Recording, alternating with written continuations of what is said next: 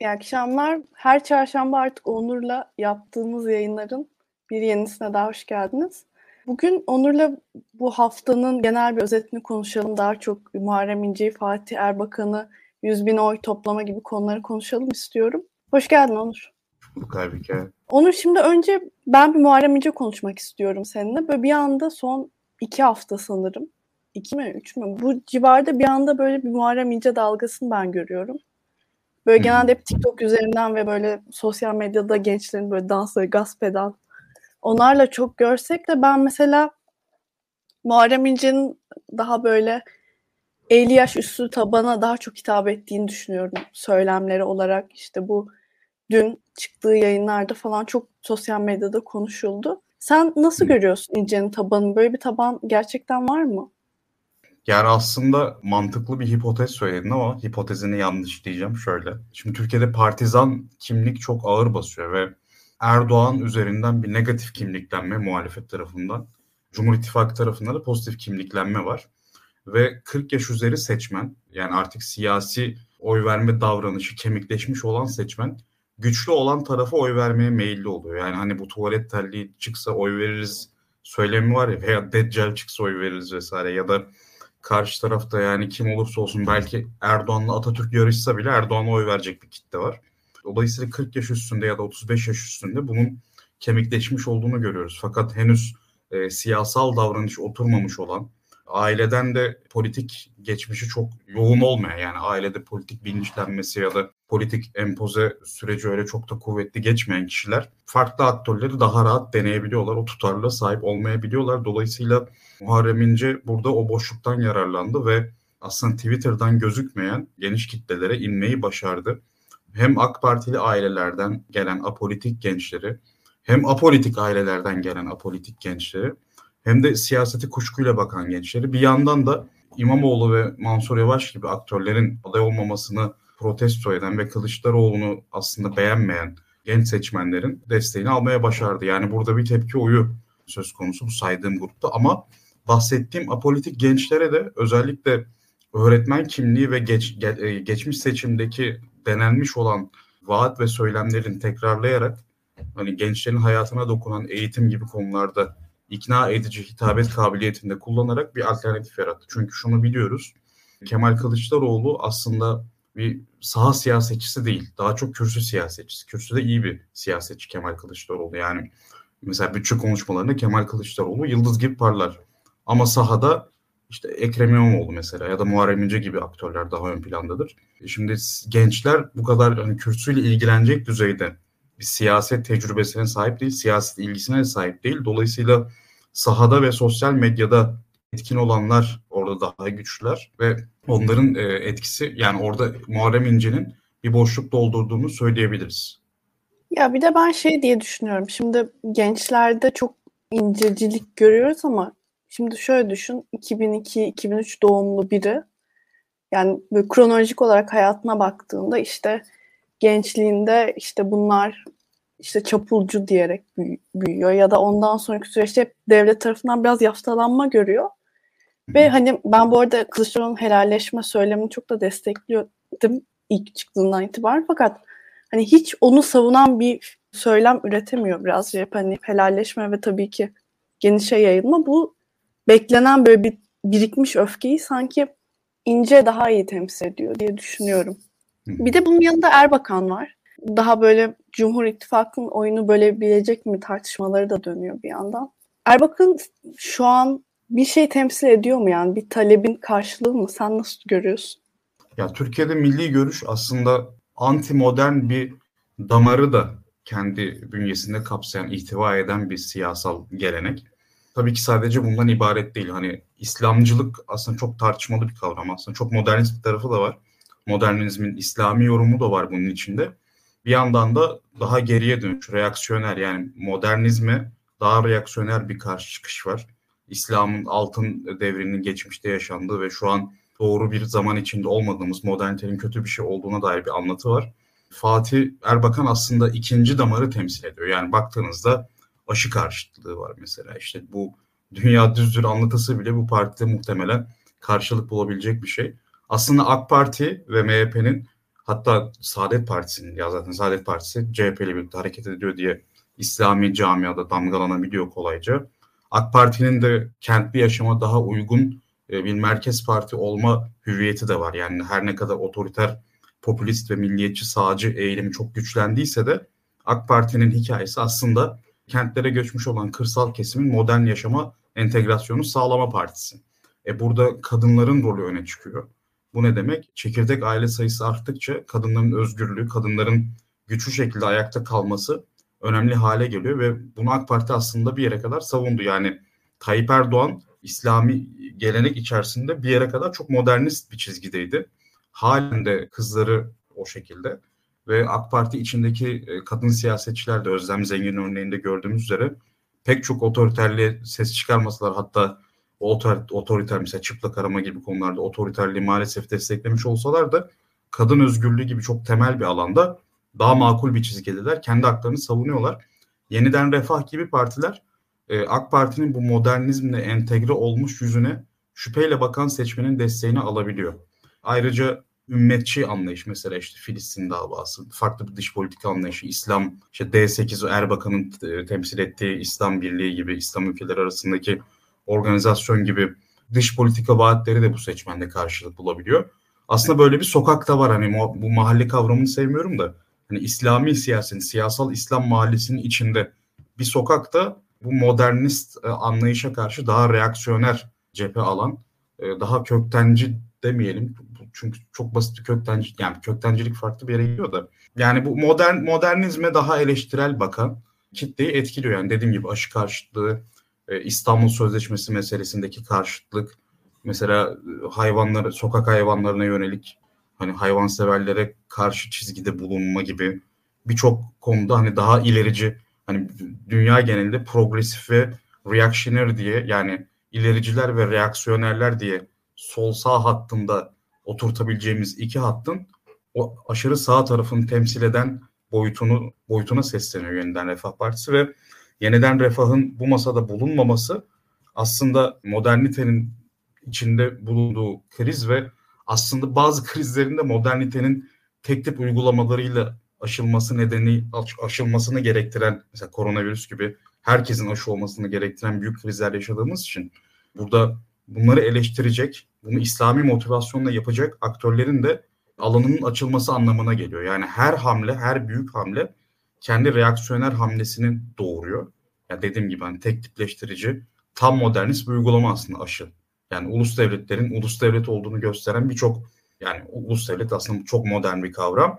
Ulus devletlerin işte sınır güvenliği, kişilerin özgürlüklerin sınırlama işte maskeyle gezme zorunluluğu vesaire ya da hafta sonu evde kalma zorunluluğu ya da işte aşı olma zorunluluğu demeyelim de artık teşviki bunların karşısında yer alacaktı. Farklı motivasyonla e, yer alacak. Yani burada İslam motivasyonda olur. Daha farklı işte sağ popülist, milliyetçi bir reaksiyonerle e, çıkış yapanlar da olur ama Türkiye'de bu İslami motivasyon güçlü. Bunun dayandığı bir gelenek de var. Bunu yeniden refah temsil edecektir. Ve burada tabii dindar AK Parti yani bu motivasyonlarla hareket etmeyen ama kendisini sağ ve İslami pozisyonda konumlandıran ve CHP ile İyi Parti gibi partilere bir HDP'de dahi HDP, CHP ve belki İyi Parti gibi partilere şüpheyle bakan seçmenin de adresi olabilecek parti. Dolayısıyla yeniden refah bence burada şunu gördü. Ola ki yani seçim kaybedilirse zaten burada kendisine daha çok alan açılacak. Eğer seçim kaybedilmezse de muhtemelen Cumhur İttifakı'nda yeniden Refah Partisi'nin e, kendi logosuyla değil AK Parti listelerinden girmesi teklifinde bulunuldu ama yeniden Refah tıpkı nasıl solda tip kendini bu seçimde test etmek istiyorsa yeniden Refah'ta en sağda kendini temsil etmek istiyor. Hem Saadet Partisi'nin alternatif dini yani alternatif olarak Saadet Partisi yani kendisinin milli görüşün bayraktarı olduğunu ortaya koymak istiyor. Hem de AK Parti'den ya da işte oy vermeyenlerden veya yeni seçmenlerden gelecek olan oy desteğini ev sahipliği yapmak istiyor ve kendi listesiyle girmek istiyor. Bence burada cesur bir hamle yaptılar. Tabii ki bu seçimi ikinci tura taşıyabilecek de bir hamle. Cumhur İttifakı'nın çok da hoşuna gitmeyecek bir karar. Ama neticede siyaset budur yani sonuçta Fatih Erbakan benim bildiğim kadarıyla 44 yaşında çok genç ve bir şekilde bir çizgiye oturtturdu partisini yani farklı anketlerde Benim gördüğüm yani bizde şu an kamuya açık veri yok ama bu farklı anketlerde gördüm.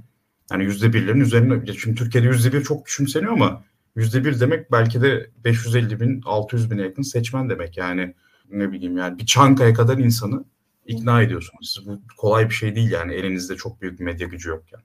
Evet yani bir, bir de çok fazla muhaliflerden destek gördü. Ben bir sürü arkadaşımın imza için bugün gittiği tweetlerini çok gördüm. Şimdi bir, birazcık şey de hani senin alanına dönmek istiyorum. Bu don sistemini soracağım. Ama şun şöyle anlat.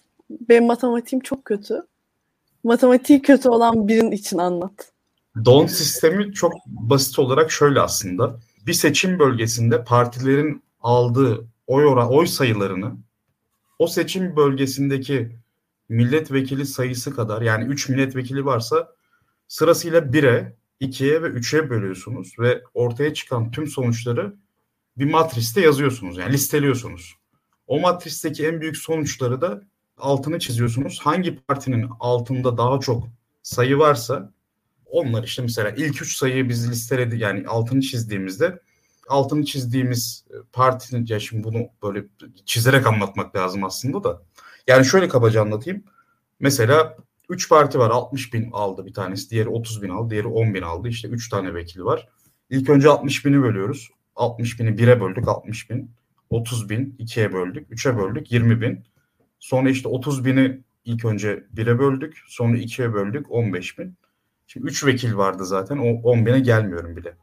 İlk önce 60 binin üstünü bir çizdik. En büyük rakam. Ortaya yani 60 bini 1'e böldük ya. Şimdi o ilk birinci önce vekil. en fazla ilk 3 oy değil mi? Evet evet. 3 tane vekillik var ya. Evet. Evet o bölüm o bölme işleminde elimizde oluşan sonuçlardan en büyük olan 3 şey işaretliyoruz sırasıyla. Hangi partide kalıyorsa onlar hani diyelim ki A partisinde iki tane kaldı işte B partisinde bir tane kaldı. Dolayısıyla hani iki A partisine gidiyor 60 bin alanı bir tane de B partisine gidiyor gibi bir durum. Ya bunun aslında görsellerle anlatmak lazım da. Yani kabaca şu aslında birinci partiyi kayıran e, çünkü birinci partinin oy miktarı ve bölme sayıları daha yüksek bir seçim sistemi. Ya aslında nispi seçim sistemine en uygun sistemlerden biri olarak gözükse de az oy e, elde etmiş partilerin özellikle seçim bölgelerinin de küçük olduğunu varsaydığımızda mesela diyelim ki İyi Parti tek başına giriyor. Mesela nerede girsin? Artvin'de. İki tane milletvekili var. İyi Parti çok başarılı bir seçim dönemi geçirdi orada. %25 aldı ya da %20 aldı işte. Ama CHP zaten klasik klasik oyunu aldı. %23 AK Parti 35 aldı. Şimdi 35 25 20 ama iki vekil var aramızda e, elimizde. Bir AK Parti'ye gidiyor, biri CHP'ye gidiyor. Yani İyi Parti'nin diyelim ki bir seçim önce muhtemelen Artvin'de %10 civarıdır oyu. %10'dan 20'ye taşımış olsa bile yani o 10 boşa gitmiş oluyor aslında. Sadece ülke genelinde barajı geçirmesine fayda veriyor. Bence bu biraz oturdu sanki bu tablosuz anlatma biçimi. Bu oturdu yani aslında büyük partileri destekleyen bir sistem.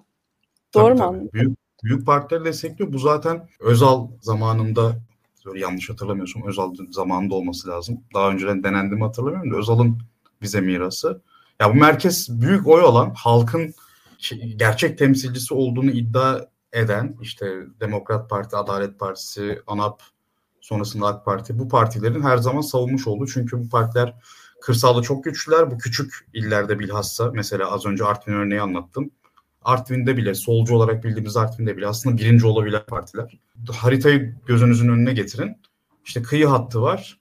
Bir de Güneydoğu var. Kalanı full sapsarı. Bu don sistemi o sapsarı hale getiren partiyi çok avantajlı kılıyor. Yani mesela AK Parti %50 oy oranıyla normalde 550 milletvekili vardı önceden. 550'nin yarısını ne kadar yapıyor? 275, 276 yapıyor. Ama 330'lara yakın vekil alıyordu. Hani hmm. bu avantajla birlikte.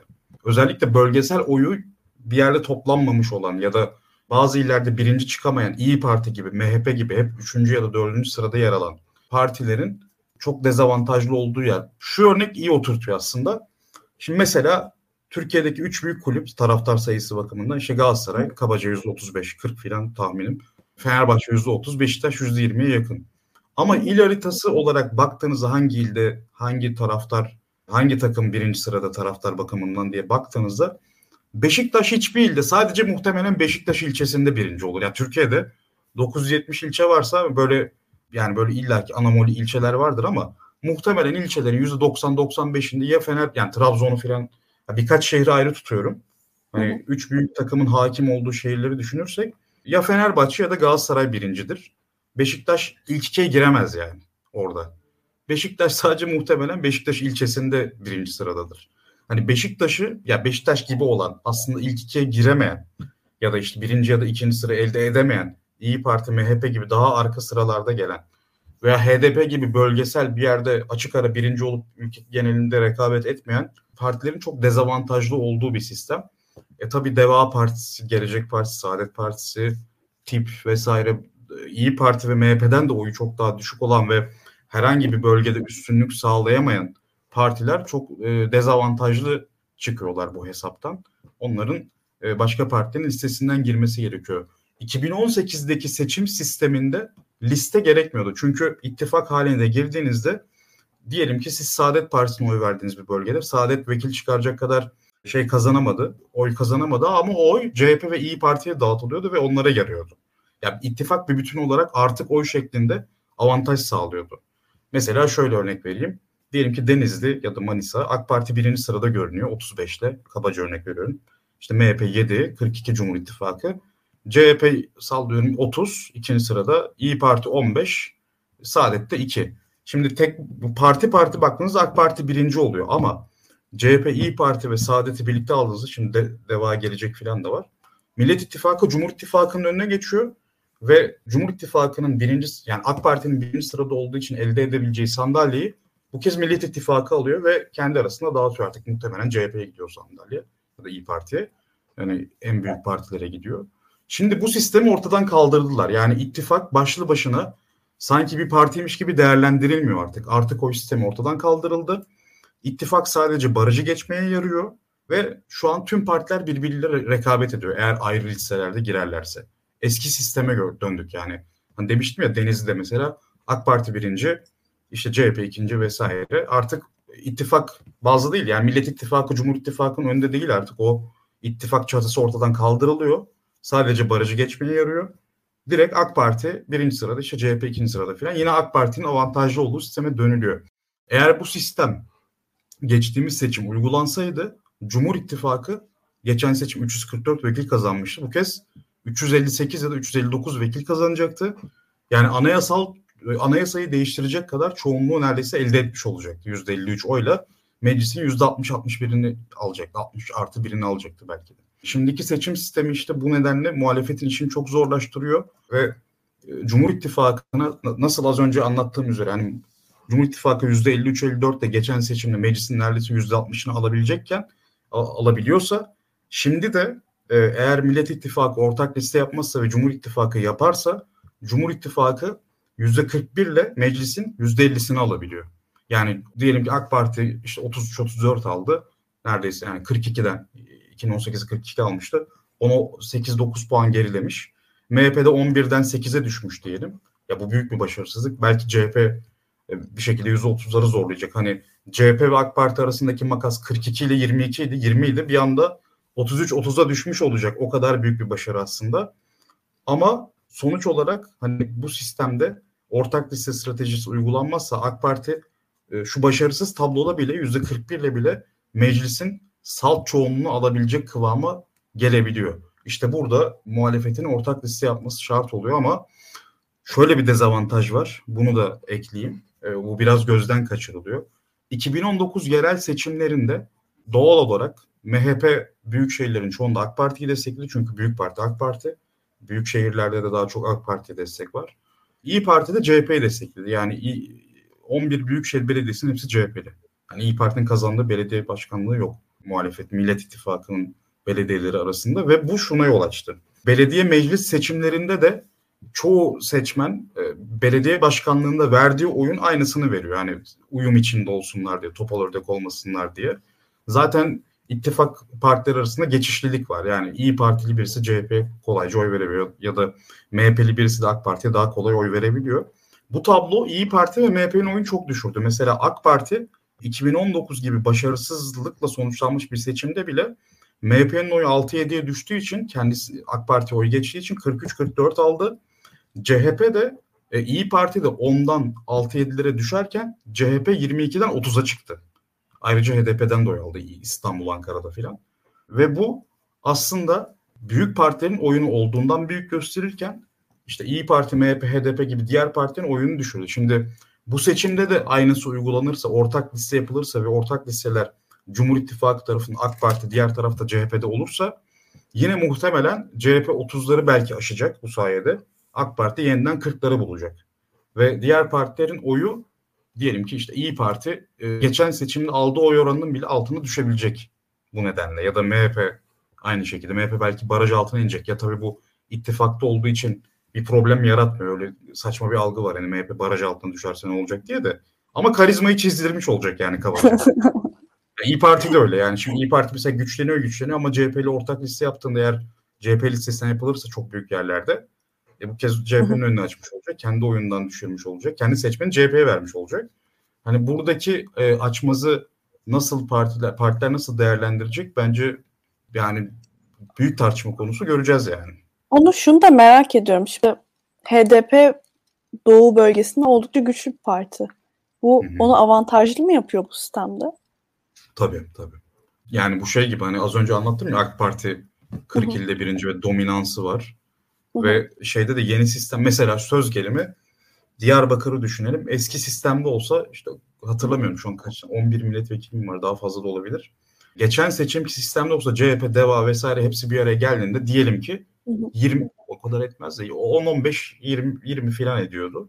Şimdi onları birbirine rakip haline getirdi bu sistem ve belki de ortak liste yapamayacaklar. HDP bu kez o Millet İttifakı'nın alacağı vekili de alacak. Yani HDP, yani Millet İttifakı beraber girebilseydi eğer belki bir ya da iki vekil kazanacaktı. Muhtemelen onlar HDP'ye gidecek yani. O oran daha yüksek olduğu için. Ya Doğu'da aslında bu sistem AK Parti'den çok HDP'ye yarıyor oradaki baskın parti olduğu için. Eğer CHP de oyunu artırırsa bu sistem e, CHP'nin baskın olduğu yerlerde CHP'ye de yarayabilir ama muhalefette oylar biraz bölünüyor gibi görünüyor. Ya bakalım artık ne olacak önümüzdeki süreçte. Son olarak eklemek istediğim bir şey var mı? Aslında burada Memleket Partisi'nin de Millet İttifakı'nda yer alması ve birlikte hareket etmesi çok önemli. Çünkü o da bir aktör gördüğümüz üzere artık. Burada Kemal Kılıçdaroğlu'nun attığı adım çok değerli bence. Onun altını çizmek gerekir. Yani Twitter'da bir faunus içerisindeyiz. Twitter'daki nefret dili her tarafta var. Her aktöre karşı olabiliyor. Haklı nedenleri de olabilir öfkenin. Ama nefret diline dönüşmesi gerekiyor. Öfke yararlı bir duygu. Öfke suçu diye bir kavram yok. Ama nefret suçu diye bir kavram var. Aktör kim olursa olsun nefret suçuyla yaklaşmamak lazım. Daha temkinli gitmek lazım. Yani diyelim ki yarın öbür gün işte Kemal Kılıçdaroğlu Muharrem İnce ile oturdu anlaştı etti. Yani Muharrem İnce edilen laflar bir şekilde arkada kalacak yani. O duygu haline kapılmamak lazım. Daha makul, daha sakin gitmek gerekiyor. Tıpkı İsrail seçimlerinde olduğu gibi muhalefetin işi çok zor. Tüm etnik, dini, sosyal, kültürel, şahsi fay hatları masada var. Masada demeyelim yani muhalefet cenahında yer alıyor. Ben Kemal Kılıçdaroğlu'nun adaylık sonrasında daha sakin ilerlediğini ve yani bu durumun farkında olduğunu da gözlemliyorum. Ben çözülebileceğine dair umutluyum yani ince krizinin ve diğer e, yaşanan tartışmaların makul şekilde sonlanacağını ve adil seçim ortamları sağlandığında da muhalefetin kazanabileceğine inanıyorum. Yani bu enflasyon şartlarında, bu hayat pahalılığında ve bu demografik değişimle birlikte muhalefetin oylarını konsolide edip seçimde kazanma olasılığı hiç de az değil. Önemli olan burada meclis seçimlerini kazanmak çünkü e, meclis çok önemli. Şu an e, meclis Cumhur İttifakı önünde olduğu için böyle e, sanki Erdoğan'ın dediklerini yapma, el kaldırma, el indirme mekanı gibi ama eğer yürütme ve yasama yani meclis ve e, başkanlık farklı erklerde, farklı partilerde olursa meclise elde eden taraf yasanın yani meclisin çıkardığı yasanın başkanın çıkardığı kararnameden hukuki hiyerarşideki üstünlüğünü kullanarak seçim sistemini ülkedeki e, siyaset sistemini tıkayabilme kapasitesi var ki yargı ve bürokrasideki Cumhur İttifakı egemenliğinin, dominansını, ağırlığını da unutmamak gerekiyor diye düşünüyorum. Evet. Ya bir de ilginç bir seçim dönemi geçiriyor, geçiriyoruz. Yani ben hiç Erdoğan'ın konuştuğunu da görmüyorum. Hı hı. Bundan sonrasını da merak ediyorum. Teşekkür ederim geldiğin için. Ben teşekkür ederim soruların için, yorumların için. Görüşmek üzere. İyi akşamlar. İyi akşamlar.